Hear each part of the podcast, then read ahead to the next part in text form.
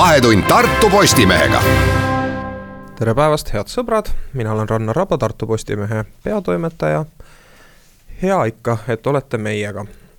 tahaks teiega äh, mõtteid vahetada väga paljudel erinevatel teemadel, millega Tartu Postimehe ajakirjanikud on viimastel päevadel või siis ka eelmisest saatest möödunud viimase nädala jooksul kokku puutunud, äh, mida leheveergudele toonud, aga kahtlemata kõigest ei jõua rääkida, ammugi mitte kõigist nendest asjadest, millest me just, just täna meie, meie veebiportaalis tartu.postimees.ee oleme juttu teinud, aga see on väga lihtne minna sinna lehele ja, ja sealt neid äh, uudiseid või ka arvamuslugusid lugusid näiteks äh, ise lugeda, soovitan kahtlemata vaadata ka seal üleval rippuvat videoülevaadet läinud nädalavahetuse politseioperatsioonidest, mis äh, muuhulgas peegeldavad neid pingeid, mis koroonapiirangutest tulenevalt on hakanud tekkima ümber meie ja ka noh, mitte ainult Tartu, vaid ka muu Lõuna-Eesti äh, lõbustusasutuste ümber. ja, ja väga huvitav käsitlus puudutab seda, kuidas aktsiaselts Hoolekandeteenused, mis on siis äh, oma olemuselt, äh, ma saan aru, ikkagi avalik-õiguslik asutus, mis peab tegelema erivajadustega inimestega, on nüüd pöördunud selleks, et tõmmata maha kõikvõimalikke pingeid selle ümbert, kui nad äh, üht või teist äh, uut projekti alustavad mõnes tiheasustusega paigas, noh näiteks siis Tartus, kui nad soovivad tuua linnaruumi uude hoonesse erivajadustega inimesi, ümbruskondseid inimesed sellega sugugi leppida ei taha, siis on jõutud nüüd järelduseni, et peamised vead seni, seniste konfliktide puhul on tekkinud sellisest halvast kommunikatsioonist ja nüüd oodatakse siis äh, abi äh, saada Tartu Ülikoolist. Äh, ja loomulikult äh, on, äh, on ka kultuurilugusid meil, näiteks Kerli Jõgi on väga kena ülevaatliku arvustuse teinud Mart Kadastiku kirjutatud ja Ain Mäeotsa lavastatud etendusele Head inimesed, mis esietendus Sadama teatris siis läinud. Laupäeval, kindlasti tasub sedagi lugeda ja, ja kui tervisesituatsioon lubab, siis ka muidugi ise teatris kohal käia, aga loomulikult me oleme Äh, pidanud käsitlema erinevaid koroonateemasid. Ehm, noh, näiteks meie enda ajakirjanik Aime Jõgi on ühe väga terase kommentaari kirjutanud sellest, kuidas äh, praegune maskiajastu inimeste omavahelist suhtlemist äh, mõjutab ja võib-olla kuidas žestikuleerimine jäsemetega, siis eeskätt me peame muidugi silmas käsi, võib muutuda senisest märksa olulisemaks, kui ei ole näha kogu nägu ja ja me oleme kirjutanud ka sellest, et millised on olnud üldse viimastel ähm, päevadel tendentsid koroonaviiruse levikuga seoses ja, ja millised on olnud need meetmed, mis on muutunud võrreldes varasemate koroonalainetega. ja lõppude lõpuks loomulikult vaadanud ka ülikoolidesse, millised on siis need muutused, mida on ette võetud praegu seal, et et, et see viirus siis üliõpilaste ja õppejõudude seas liiga laialt levima ei pääseks ja sellesama loo ajendil ongi täna telefonitsi haaratud meie saatesse meie toimetuses, meie toimetuse reporter Lisette Reineberg, tere Lisette! tere, tere! Äh, sissejuhatuseks siis küsingi sinu käest, et äh, mida tähelepanuväärset tahaksid oma loost esile tõsta, mis seis praegu ülikoolides on, õppetöö üheski aspektis peatunud ei ole, edasi midagi ei lükata, aga kui palju on neid ümberkorraldusi olnud? no ma vestlesin oma loo jaoks siis kõigi Tartu ülikoolidega ja, ja tegelikult ongi tendents on see, et õppetöö siiski käib, et üritatakse leida erinevaid lahendusi, et proovitakse siis osa õppetööd viia e-õppele, mis on võimalik äh, kasutada ka maske, äh, viia õppetööd läbi hajutatult ja, ja tegelikult ka Tartu Ülikool siin on välja öelnud, et, äh, et et äh, soovitus on teha nii palju e-õpet äh, kui võimalik, aga, aga, aga oluline on see, et ikkagi praktikumid ja praktilised erialad näiteks äh, loodusteadustes ja meditsiinivaldkonnas, et need jääksid näost näkku toimuma. sest et nende erialade puhul on ju oluline see, et, et tudengid saaksid seda praktilist, praktilist, praktiliselt seda rakendada ja, ja, ja proovida jah, see on tõsi küll, et äh, olgu see IT-ajastu ükskõik kui hästi arenenud, no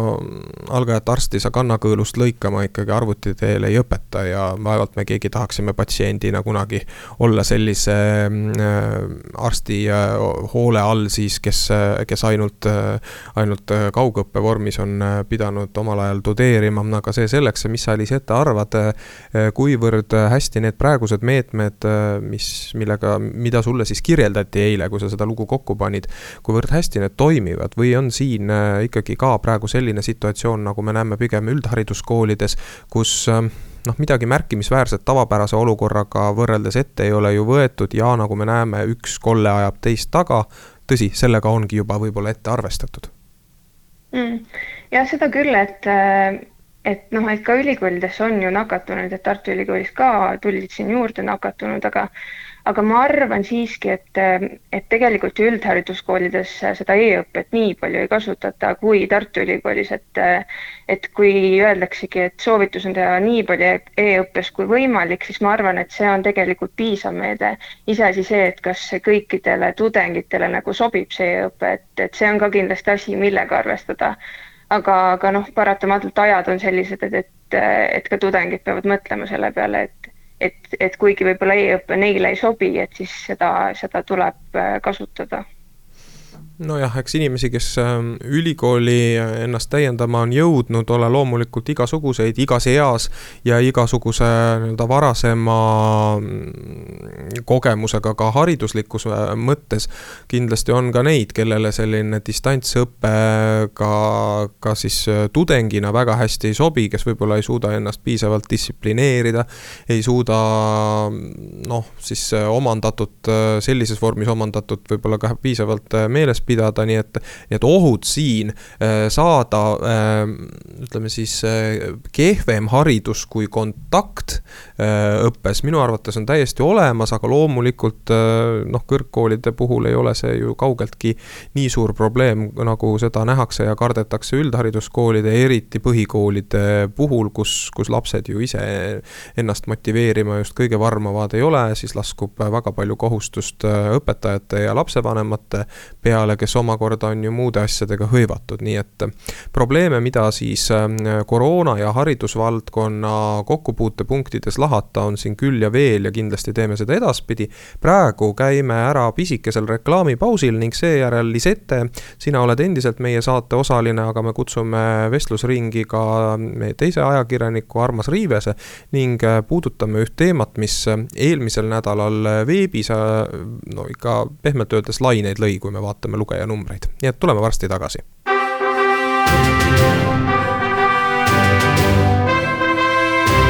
Vahetund Tartu Postimehega stuudios Tartu Postimehe ajakirjanikud Lisette Reineberg, Armas Riives ning Rannar Raba. tahame nüüd järgneva poole tunni jooksul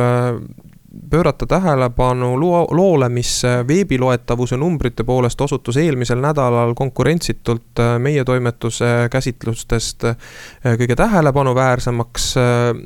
selle pealkiri paberlehes on sedasi sõnastatud, Armas, sina oled siin stuudios ja ühtlasi ka selle loo autor, pealkiri on siis bussijuhti ja firmat tabas valede tõttu pahameeletorm nüüd neile, kes ei ole lugenud, siis eh, olgu loomulikult antud soe soovitus eh, tartu.postimees.ee lehelt üles see lugu otsida või siis ka paberlehest, ta oli meil esmaspäevases paberlehes, aga et seda käsitleda, me peame loomulikult väikese lühikokkuvõtte tegema, Armas, sinu kord, palun. ja tere, veebis ei ole jah, sama pealkiri, veebis leiab selle pealkirjale turvakaamera video paljastas avaliku laimu bussi firma vastu ja nii oligi, et tõesti eelmine nädal äh, Äh, teisipäeval mm, juhtus siis järgmine intsident, aga kolmapäeval jõudis see sotsiaalmeediasse, kus siis üks äh, Tartu mees äh, kirjutas niisugusesse gruppi nagu Märgatud kakskümmend neli Tartus, et see on niisugune grupp, kuhu siis inimesed saavad pöörduda, et asju leida ja näevad midagi ja märgata ja nii edasi, aga siis üks mees kirjutas sinna niimoodi, et et, äh, et tema laps olevat äh, siis teisipäeval äh, mitte bussi peale saanud, sest bussijuht ei olnud teda sinna lasknud, sest tal lapsel ei olnud maski, et laps oli ka alla kaheteistaastane ja mees valas oma pahameele sinna välja, et et kas selline olukord siis ongi normaalne ja noh, eks ta vürtsitas ka natukene seda postitust ja, ja ja selle posti-. vürtsitas siis millega? oli siis vängemate sõnadega mees lahke? noh, otseselt nüüd vänge, ma otsin nüüd selle postituse kohe välja, aga kas see siis ongi uus normaalsus, et lapsi jäetakse tänavale vedelema, kuna ei ole maski, näiteks küsis ta. Et jah, et nimelt siis laps oli tulnud siis koju ja, ja ma sain aru niimoodi, et ta oli jäänud siis tund aega vähemalt hiljaks koju. Ja oli siis isale rääkinud, et niimoodi juhtus ja sellepärast äh, siis jäi hiljaks ja mees valas oma emotsioonid äh, Facebooki välja ja, ja selle postituse all läks kommentaarium küll nagu kõvasti elama, et äh, kui ma nüüd vaatan, siis siin üle kolmesaja viiekümne reaktsiooni, üle saja neljakümne kommentaari, kus siis nii bussijuhti kui firmat äh, noh, halvustati pehmelt öeldes, et äh, bussijuht on käitunud valesti. no seal oli kindlasti rängemaid sõnu, et ma ei hakka siin eetrisse välja ütlema. ja, ja väga äh, varsti kirjutas ka siis üks advokaadibüroo avaliku kirja, kus ta taunis bussijuhi käitumist ja, ja meieni niimoodi see jõudiski ja.... lõpuks ka bussifirma jõudis juba ju avalikkuse ees vabandada selle juhtumi ja, pärast. tõsi, nad küll sõnastasid seda niimoodi, et, et kui see juhtum on tõsi, siis me väga-väga vabandame, sest et me praegu uurime, sest sellist intsidenti bussifirmale endale ei jõudnud. et keegi neile sellist kaebust ei teinud, et põhjus on väga lihtne, et kui me siin uurima hakkasime koos bussifirmaga, et siis see kaebaja oli hoopis helistanud Tartu infoliinile ja siis väidetavalt siis seal mees enda sõnul abi ei saanud, et oli öeldud, et mask on soovituslik ja ja ühesõnaga mees väitis, et abi ta ei saanud ja talle öeldi, et ta on ise selles süüdi, et laps, tal ei olnud maski, ta ei saanud sinna peale. aga resümeerime nüüd uuesti, tegelikult see kõik on vale. just. Et äh, miks me selle teema praegu lisaks sellele, et ta osutus väga populaarseks ja loetavaks äh, ajakirjanduslikuks äh, käsitluseks, miks me selle siia praegu jutuajamise aineseks valisime, lähtub ikkagi arusaamast, et me oleme sotsiaalmeedia ajastus ikka nii äh, ninaotsa või, või laubani sees äh, kõik, ka need, kes väga agaralt nutitelefoni või arvutit ei kasuta. aga et, et me ühel või teisel moel sellest, milliseid postitusi keegi kuhugi mingisse gruppi teeb, võime olla äh, sõltuvad oma igapäevase käitumise sättimisel, mingites hinnangutes, oma lähedaste kaudu ja nii edasi ja nii edasi, ehk siis tahaks natuke nüüd laiemalt laiendada seda, et mis siis tegelikult juhtus, kuidas üks väärinformatsioon lõi väga suure ringkonna inimesi keema, lõppude lõpuks äh, valas siis ühe ettevõtte, ühe bussijuhi, kes on lõppude lõpuks konkreetne inimene, äh, sopaga üle ja lõpptulemusena tuli sealt välja, et selle, selle taga lihtsalt oli siis A, kas ühe poisikese hirm õigust rääkida või B, lihtsalt valelikkus, seda me ei tea ja see lõpuks ei ole ka oluline, aga tendents on siin siin ikkagi väga mm, mõjus. mis me siis nüüd arvame, ma, mul on väga hea meel, et, et mul on siin stuudios partneriteks just sellised noored kolleegid nagu Lisette ja Armas seda on, mõlemad olete te äh, alles äh, äsja või siis ka praegu äh, Tartu Ülikoolis kommunikatsiooni äh, kõige laiemas mõttes, aga ka ajakirjanduslikke protsesse selle sees äh, tudeerimas. siis äh, mis te siis nagu arvate, et äh, kas meie äh, Äh, igapäevaelus seoses sotsiaalmeedia mõjuga on nüüd viimastel aastatel toimunud ka mingisuguseid murranguid. mina tahan sissejuhatuseks väita, et minu arvates on. Äh, inimesed lasevad ennast sotsiaalmeedias öeldust üha rohkem mõjutada, see mõjutab poliitikat, majandust ja kõike muud üha rohkem ja rohkem, ehkki me tegelikult võiksime arvata, et sotsiaalmeedia on meie ümber olnud juba noh, aktiivselt vähemalt kümme aastat. et, et, et enam midagi olulist ei muutu, mina väidan, et siiski need protsessid eskaleeruvad üha, üha võimsamalt jah, ma, ma olen ka sinuga nõus, et kuigi fakte nagu välja tuua ei ole, ma korra räägin sellest, et kuidas see siis sinna valeni jõudis. ka taustaks ära, et, et koos bussifirmaga sai siis uuritud, et mis siis nagu päriselt toimus. et kuna see bussijuht siis, kes sellel kellaajal olevat siis seal sündmuskohal olnud, tema ei teadnud sellest asjast mitte midagi, oli pehmelt öeldes nagu šokeeritud sellest, et selline süüdistus oli talle tulnud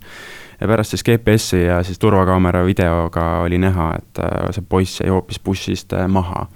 jah, et, et see, miks ta niimoodi valetas ja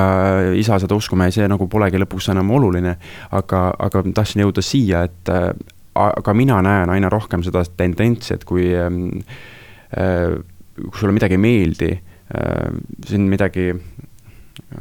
noh, vaevab, et sa lähed lihtsalt ja sa, siis sa valad selle sopa või oma emotsiooni lihtsalt äh, näiteks sotsiaalmeedias äh, välja. et ka noh, lihtsalt poolikute tõendite, poolikute faktidega, et et mulle võib-olla tundub, et see viimase, viimase aja niisuguse poliitilise kultuuri taustal äh,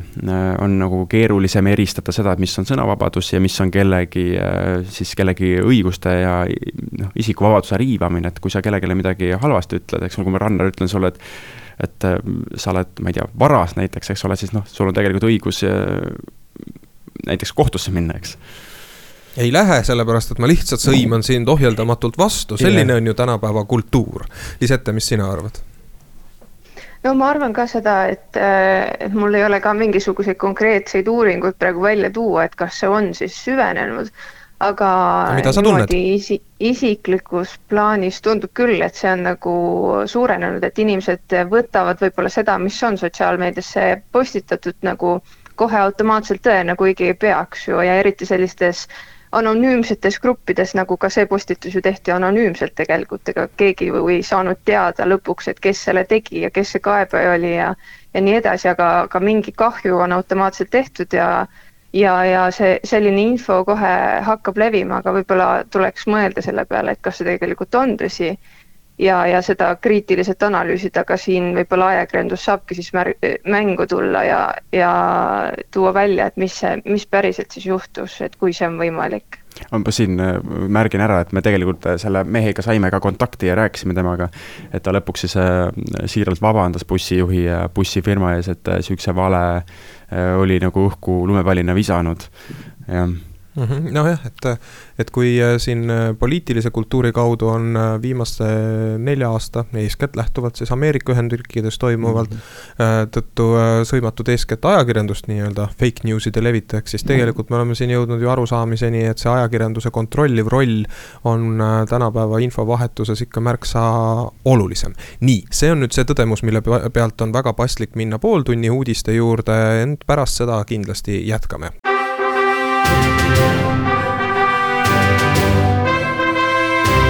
vahetund Tartu Postimehega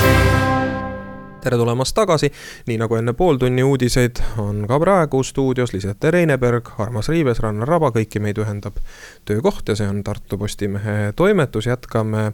arutelu äh, sotsiaalmeedia teemadel, õigemini siis sellest, kuidas äh, mõni, mõni vale sõnum võib äh, korraliku pudrupoti käima ajada niimoodi, et on lõpuks ka kannatajaid ja, ja solvatuid. jutt käib siis juhtumist, kus hiljuti lõuna Lõunakeskuse juures äh, üks poiss pidi bussi peale minema ja koju sõitma äh, teise linna otsa, aga millegipärast õigel ajal bussi peale ei jõudnud, me täpselt ei tea, miks. ent pärast siis andis vanematele teada, justkui bussijuht ei, ei oleks teda sisse lasknud, sellepärast et tal polnud kaitsemaski ees, ehkki tegelikult ju ei pea lastel kaitsemaski olema. ja, ja lõpptulemus on ka see, et, et bussijuhil puudus selles asjas üldse igasugune äh, roll, ent, ent vähemalt päevaks või paariks sotsiaalmeedias tüli oli küll küll ja küll ja nüüd me tahaksime siis laiemalt nagu arutada edasi sel teemal, et et mida siis inimesed peaksid tegema selleks, et, et olla ühelt poolt endiselt aktiivsed sotsiaalmeedia kasutajad, ent samas mitte lasta ennast petta või mitte kulutada põhimõtteliselt aega asjadele, milleks ei ole vaja aega kulutada, et enne ma siin oma lõputus tarkuses muidugi teatasin, et ja jään selle väite juurde, et, et rohkem tasub äh, professionaalset ajakirjandust tarbida, mitte äh, väga palju äh, lasta ennast pöörata nendest sõnumitest, mis otse sotsiaalmeediast tulevad, sest ajakirjandus on ikkagi oma olemuselt just nimelt fakte kontrolliv ja tõtt rääkiv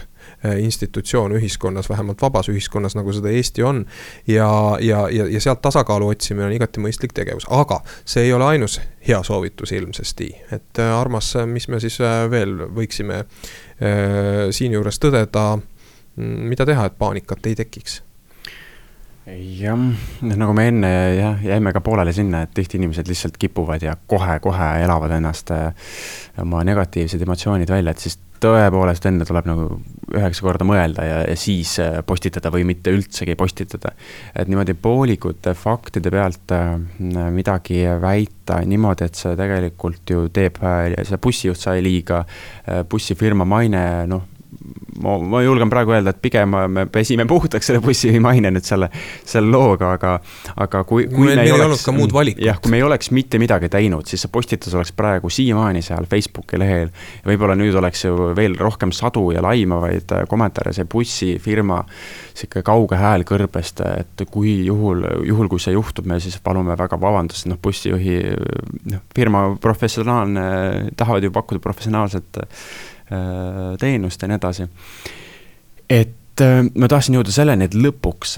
lõpuks ju sellised äh, Äh, valesüüdistused, laimi võib mõjuda ju äh, väga rängalt, et me teame neid juhtumeid, kus äh, inimesed lõpuks, noh, see võib lõppeda enesetapuga näiteks või noh, varaline kahju on materiaalne kahju, aga, aga see, mis see inimesega üleüldse võib teha, see on, see on väga karm. et see sõnavabaduse piir ikkagi lõpeb sealt ära, kus sa kellelegi lihtsalt liiga teed Liis Ette, kui palju sinul on olnud kokkupuuteid nende juhtumitega, kus sa näed, et inimesed äh, kipuvad äh, hinnanguid andma, võib-olla ka siis häält tõstma, noh, ütleme siis verbaalselt äh, sotsiaalmeedias kirjutama. tähendab, kas verbaalselt või siis sotsiaalmeedias kirjutama asju, milles nad ei saa sugugi kindlad olla ja ikka on, et just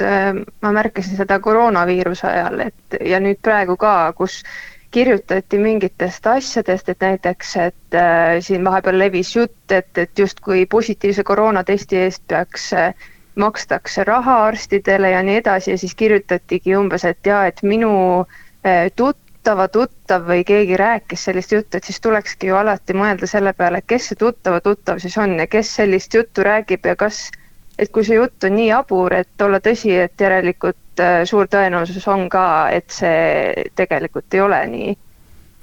aga, aga siin on ka oluline silmas pidada seda, et, et see valeuudis võib-olla võib levida hästi kiiresti.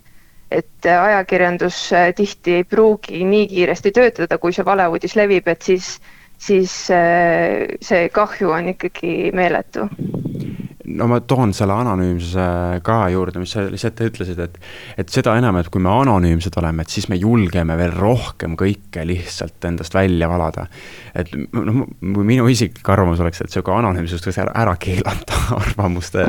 esitamise juures, et et ka mul endal on üks juhtum olnud, kus meile tuli ka vihje, noh, üks lugeja siis ütles, et et see testimise juures siis Äh, oli siis lihtsalt äh, mitte testitud ja öeldud, et sa oled positiivne, et minge ära siit. ja siis, kui seda kontrollima hakata, et mis see nimi on ikkagi ja kes ja kus, siis äh, ikkagi allikas nagu ei taha rääkida väga. et siis esimene kelluke läheb põlema, et kas see ikka on tõsi, et aga loomulikult anonüümselt saa ka ära võtta, sest muidu me ei saa rääkida väga delikaatsetest asjadest üks asi, mida ma olen sotsiaalmeedia puhul täheldanud, on see, et seal hakkab väga hästi tööle selline mastaabiefekt. Et kui äh, mingisugune sõnum leiab äh, palju jagamist, siis äh, selle võrra proportsionaalselt langeb ka inimeste valmidus öeldus kahelda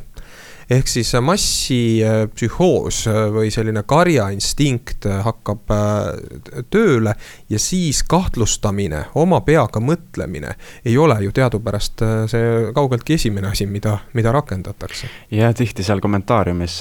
mul nüüd neid screenshot'e sellest postitusest ei ole, aga ma nägin ka neid, kes kes pigem kahtlesid selles juhtumis, et kuulge, et mis toimub, on ju, et kas see ikka tõsi on ja, ja seal oli näha ka neid allapoole pöidlaid või äh, vastu äh, sõnelemist, et äh, et bussijuht on käitunud halvasti ja, ja noh, päris koledate sõnadega, et, et jah, tihti siis ei olegi võimalik enam midagi vastu väita, sest see mass on nii suur ja kes ütleb, et nii on ja nii on. Mhm. ja, ja veel üks asi, mis äh, muutus kindlasti on toimunud, kui me otsime neid äh, muutusi, mis on toimunud viimastel aastatel. Äh, sellises ähm, eneseväljendamises, internetipõhises, siis ma pean silmas,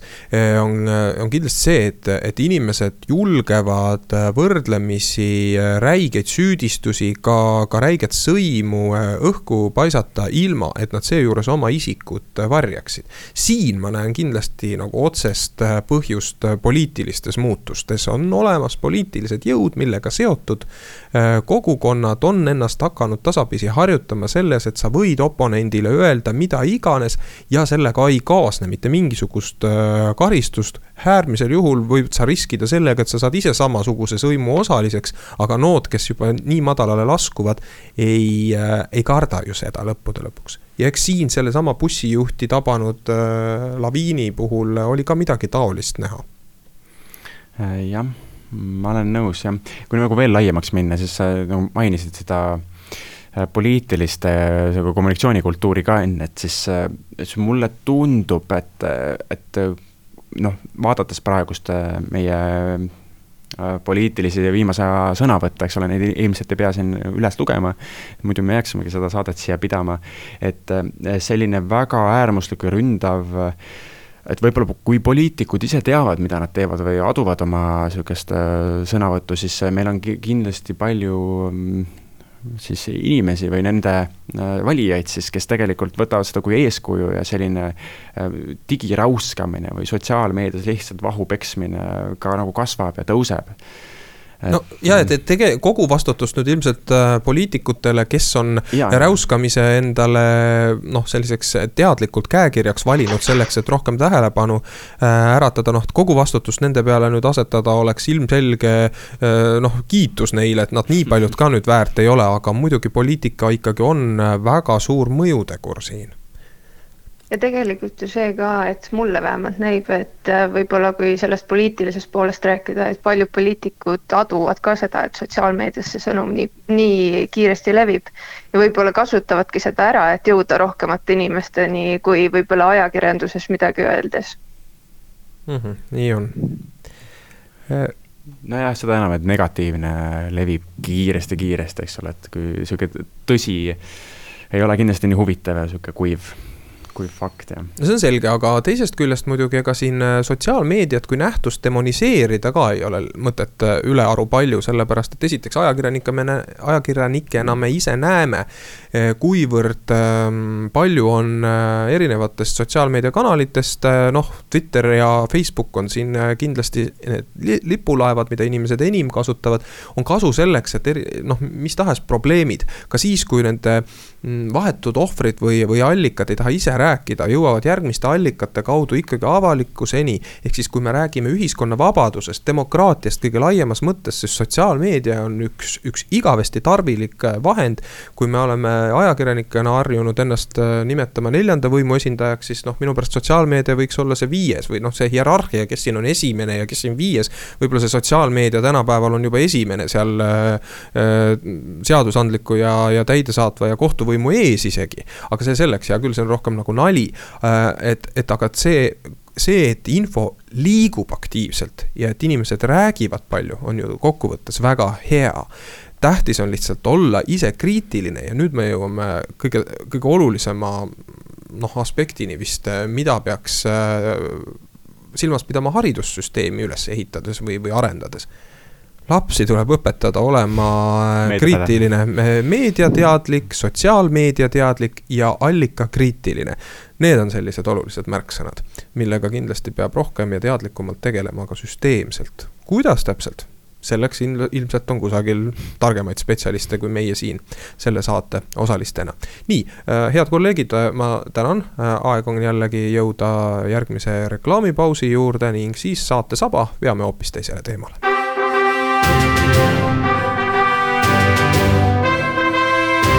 vahetund Tartu Postimehega saade läheb oma viimase veerandi juurde, kolmest ajakirjanikust on siia jäänud üks, ent äh, samas on saabunud äh, stuudiosse külaline, tema on Carlotta Põdra, kes on äh, eeloleval nädalavahetusel Tartus aparaaditehases või siis ütleme, seoses aparaaditehasega aset leidva festivali Aparaadio peakorraldaja tere! just nimelt, tere! Eh, palusin teid siia stuudiosse, et, eh, et heita pisut valgust selle ettevõtmise tagamaadesse, tegemist on esimese korraga, mil midagi taolist aset leiab. et meie siin teeme raadiosaadet, mis eh, igal Äh, igal nädalal eetrisse läheb, taskuhäälinguks kujuneb, inimeste poolt järelkuulamist leiab äh, nii samal päeval kui ka veel mitmeid päevi, statist-, hiljem statistika seda kinnitab, siis äh, tundus see meile oluline teema. kuidas te selle festivaliga toime tulete, miks te seda teete, need on need põhilised aspektid, mida tahaksime siis puudutada, aga hakkame otsast pihta. mis asi on Aparaadio? No nii, Aparaadio on podcast'i festival, mis siis kujutab endast sellist üritust, kus ühel päeval, sellel laupäeval tulevad kuusteist erinevat podcast'i aparaaditehase erinevatesse ruumidesse, kus nad siis salvestavad koha peal oma saateid. ja kust selline mõte tuli, no kui ma olin veel ülikoolis, siis ma käisin sellises tudengiorganisatsioonis nagu Rahvusvaheliste Suhete Ring ja seal ma tegelesin nende välispoliitilise podcast'i juhtimisega ehk siis äh, seal ringjoones, mis on see välispoliitiline podcast, kuna ma juhtisin seda aasta aega, siis sellest ajast saati on mul südamesse jäänud podcast imine.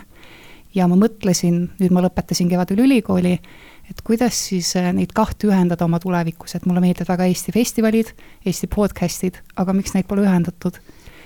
mis asjad on podcast'id, ma küsin seda inimeste jaoks, kes võib-olla on harjunud traditsioonilise lineaarse, noh, seal reaalajas eetrisse mineva raadioga ja midagi muud ei otsi. võib-olla õhtul vaatavad televiisorist veel uudiseid, aga see on nagu kogu meediamaailm, millega nad kokku puutuvad, neid on meie seas palju, seletame neile natuke, milline on üks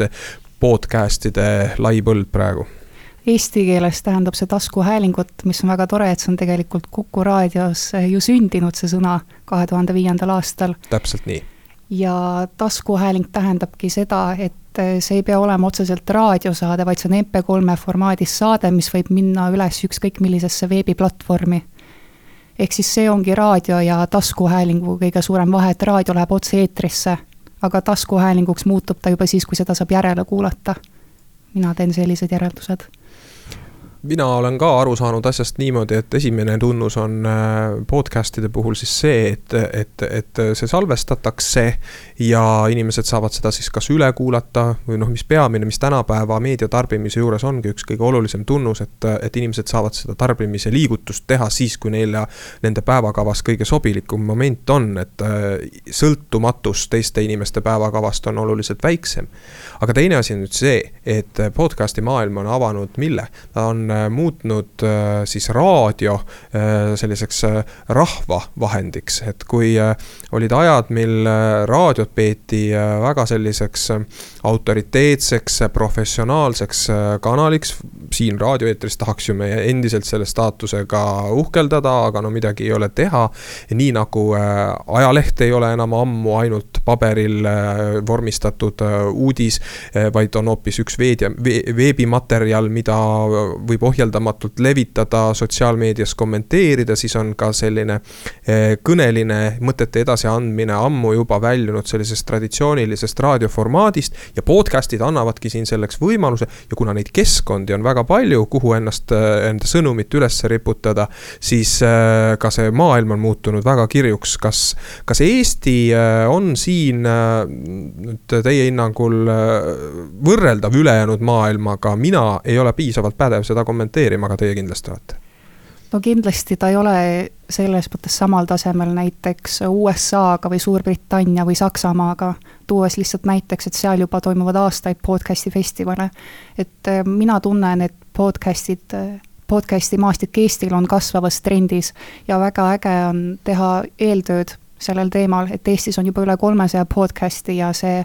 kasvab ja kasvab see arv. et ma näen, et just see podcast'i festival annab ka innustust, et inimesed, kes võib-olla ei tihka teha või ei oska, siis eh, see on see koht, kus võib-olla innustust saada. ja teisalt harida inimesi podcast'i maastikul, et väga paljud ju ei tea, nagu me enne korraks mainisime. et see on see koht, kus inimesed saavad aimu, mida üldse tähendab podcast imine. ja näidata, mis toimub tegelikult stuudio taga, ega inimesed ei mõtle selle peale, mis tegelikult ju stuudios kohapeal toimub. ja nagu noh, öelda siis ühiskond on nii kiire, inimesed peavad kaasas minema selle kiire ühiskonnaga, ehk siis eh, podcast on selline hea ter-, tarbimisviis, kuidas siis eh, kursis hoida toimuvaga, aga see festival just annab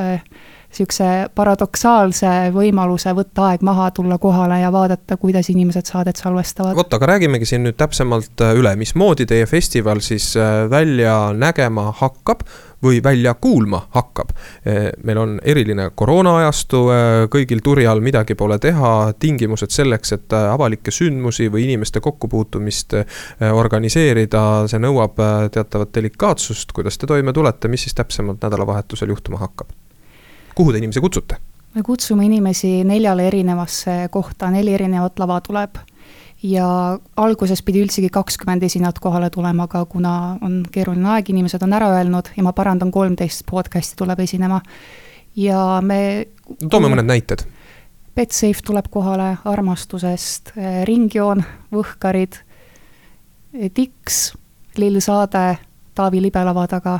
et need on võib-olla need menukamad mm -hmm. nimed. mõned näited lihtsalt ja. olid need selleks, et äh, inimesed, kes, kes selles valdkonnas orienteeruvad, äh, teaksid siis, mida, mida ahvatlevat sealt otsida. aga edasi, et tullakse kohale, on erinevad lavad, saab siis äh, reaalajas kuulata seda, mida inimesed räägivad, kuidas just, nad salvestavad. just nimelt ja järgime kindlasti valitsuse kehtestatud reegleid, et aparaaditehas on hea koht korraldada selle tõttu ka, et seal on nii palju hajutatavust, seal on päris palju ruumi ja see ei toimu kõik ainult ühel laval, vaid neljal erineval laval erinevatel aegadel. aga kindlasti me rõhume tegelikult otseülekannetele, et tegelikult väga vähesed saavad kohale tulla ühte ruumi viiskümmend või kolmkümmend, et see, see ei ole võrreldav selle arvuga, kes on pannud eh, festivali ürituse alla Interested või on tulemas. ehk siis eh, Elisa Stage'i, Postimehe, Delfi ja Raadio kahe vahendusel me siis kanname nendele platvormidele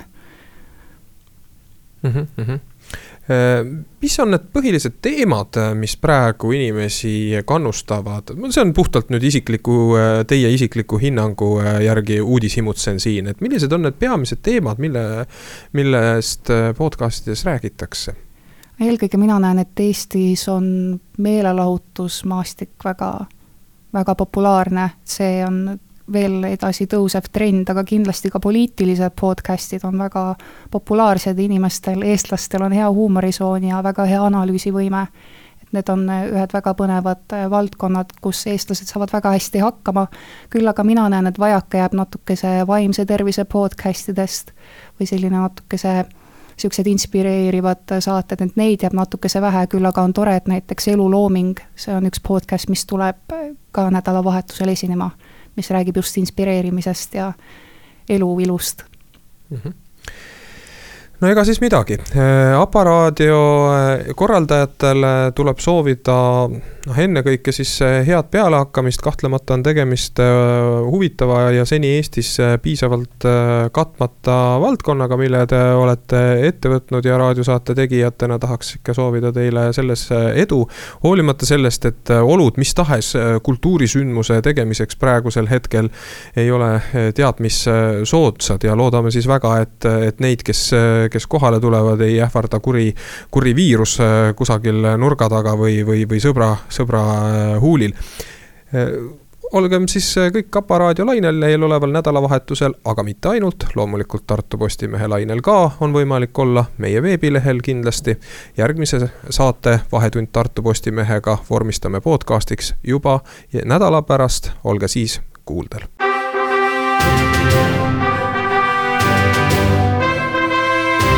vahetund Tartu Postimehega